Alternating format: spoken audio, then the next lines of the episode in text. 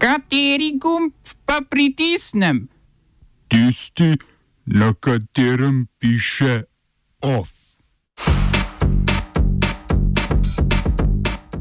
Nadaljevanje protestov v Belorusiji. Avstrija je izgnala ruskega diplomata zaradi vohunjenja. Levica predlaga posvetovalni referendum zaradi načrtovanih investicij v vojsko. Slovenija ponovno odpira veleposlaništvo na Irskem.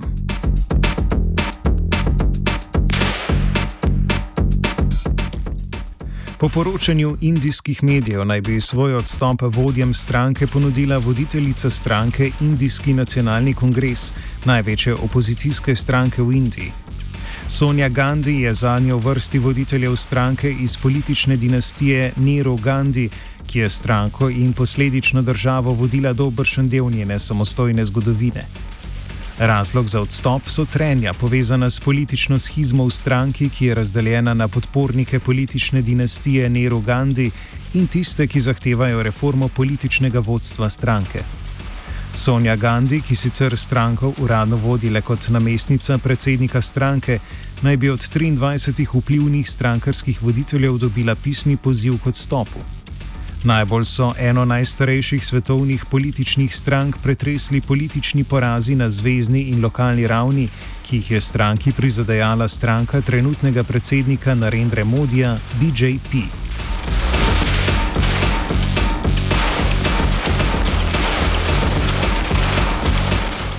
Nadaljujejo se protesti proti beloruskemu predsedniku Aleksandru Lukašenku in trenutni beloruski vladi zaradi domnevnega ponarejanja volilnih rezultatov. Lukašenko, ki si je na nedavnih volitvah zagotovil že šesti predsedniški mandat, je napovedal, da bo proti protestnikom, ki jih je označil za podgane, kmalo poslal vojsko, če se ti ne razidejo. Na tokratnih protestih v Minsku je sodelovalo preko 100 tisoč ljudi, protesti pa so potekali mirno, brez večjih aretacij. Medtem so na beloruski televiziji predvajali posnetek predsednika, kako pred predsedniško palačo izstopa iz helikopterja oborožen z avtomatsko puško in oblečen v neprebojni jopič, ob prihodu v palačo pa zbranim stražarjem in policistom obljubi, da se bo z njimi boril do konca. V Vilni pa se bosta srečala namestnik ameriškega zunanjega ministra Stephen Bigan in beloruska opozicijska voditeljica Svetlana Tihanovsko. Bigan bo diplomatsko misijo nadaljeval v Moskvi, kjer bo o trenutni beloruski krizi govoril s predstavniki ruske vlade.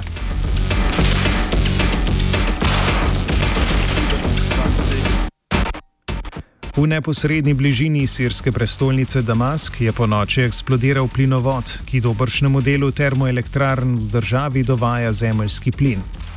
Zaradi izpada plinovoda dobršen del države po noči ni imel električne energije, ki se zdaj z začasnimi popravili počasi vrača.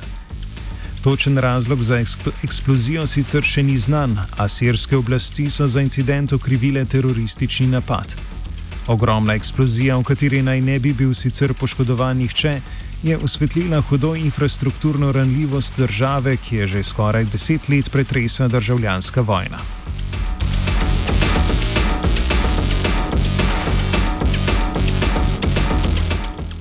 Avstrijsko zunanje ministrstvo je prvič v zgodovini ruskega diplomata označilo za persono non grato in zahtevalo, da do 1. septembra zapusti državo. Najmenovana oseba z diplomatsko imuniteto naj bi sodelovala v industrijskem vohunjenju v Dunajskem podjetju, ki proizvaja visokotehnološke varnostne rešitve.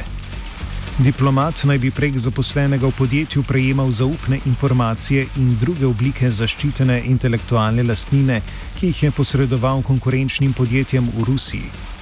Na vohunsko dejavnost naj bi opozoril prav sodelavec v podjetju, ki se je samo ovadil in začel sodelovati s preiskovalci.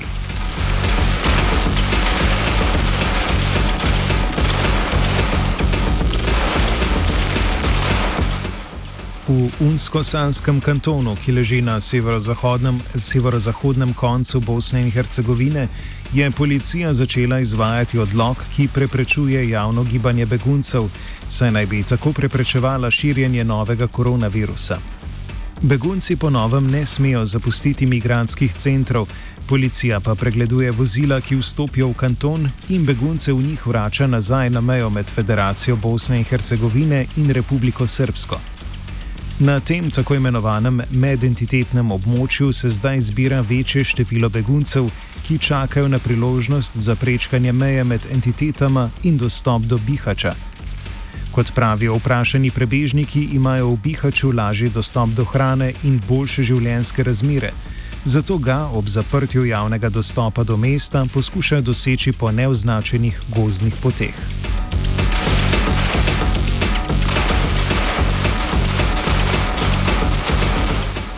Evropskega komisarja za trgovino Fila Hogana, ki ga je za člana komisije predlagala Irska, so irski mediji ujeli na elitni zabavi, na kateri niso spoštovali predpisanih protikoronskih ukrepov. Vlada je dan pred zabavo objavila širok spektr novih ukrepov proti širjenju virusa, ki vključujejo prepoved vseh uradnih in neuradnih dogodkov ter zborovanj z večjim številom ljudi. Zabava parlamentarnega kluba za golf, na kateri so poleg Hogana sodelovali tudi nekateri poslanci, ustavni sodniki in drugi politiki, je vključevala omizja z več deset povabljenci in je krepko prekoračila uradno dovoljeno število 50 povabljencev. Hogana so policisti prejšnji teden poleg tega ujeli na območju Kildare, ki je sicer zaradi karantene zaprto in kamor ne bi smel zato ker je med vožnjo uporabljal mobilni telefon in ni bil pripet. Irski premijer Mihael Martin je Hogana že pozval, da zaradi, kot se je izrazil, nedostojnega vedenja in norčevanja iz žrtvovanja Ircev, ki spoštujejo pravila, razmisli o svojem položaju.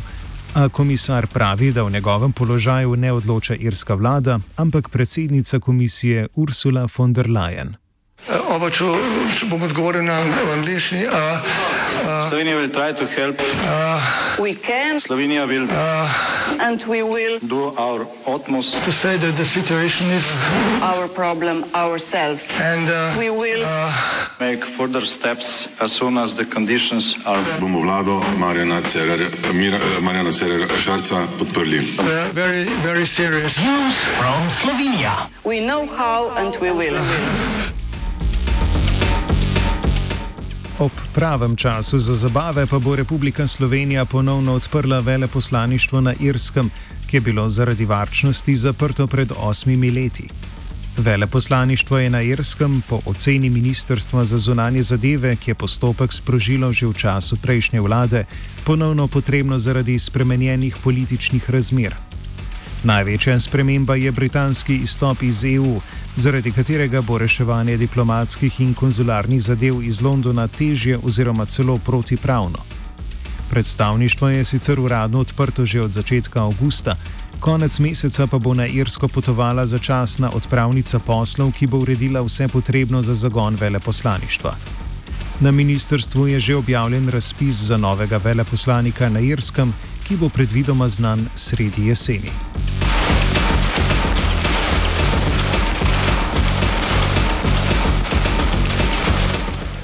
Stranka Levica predlaga razpis posvetovalnega referenduma o vladnem načrtu nabave orožja v višini 780 milijonov evrov.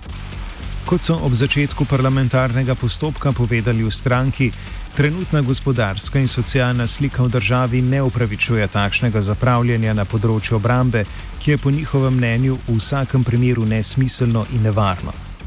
Ministr za obrambo Matej Tonin je v brani investicije povedal, da je 780 milijonov vreden nakup orožja nujen za preživetje slovenske vojske in za izpolnitev slovenskih zavez v sklopu zavezništva NATO.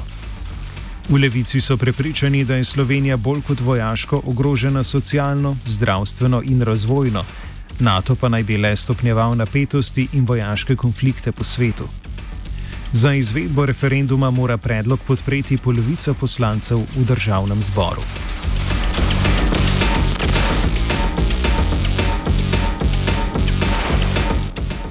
Na inštitutu Jožef Stefan so objavili razpis za novega generalnega direktorja inštituta. Inštitut trenutno zaradi izrednih razmer v povezavi s pandemijo začasno kot vršilec dolžnosti vodi Jadran Lenarčič, ki je na čelu inštituta že od leta 2005 in ne namerava ponovno kandidirati. Kandidirati morajo. Kandidati morajo biti raziskovalci z doktoratom, ki delujejo na področju IS, predstaviti pa se bodo morali pred znanstvenim in upravnim svetom inštituta. Izbrani kandidat bo funkcijo opravljal pet let, prijave pa zbirajo do 7. septembra.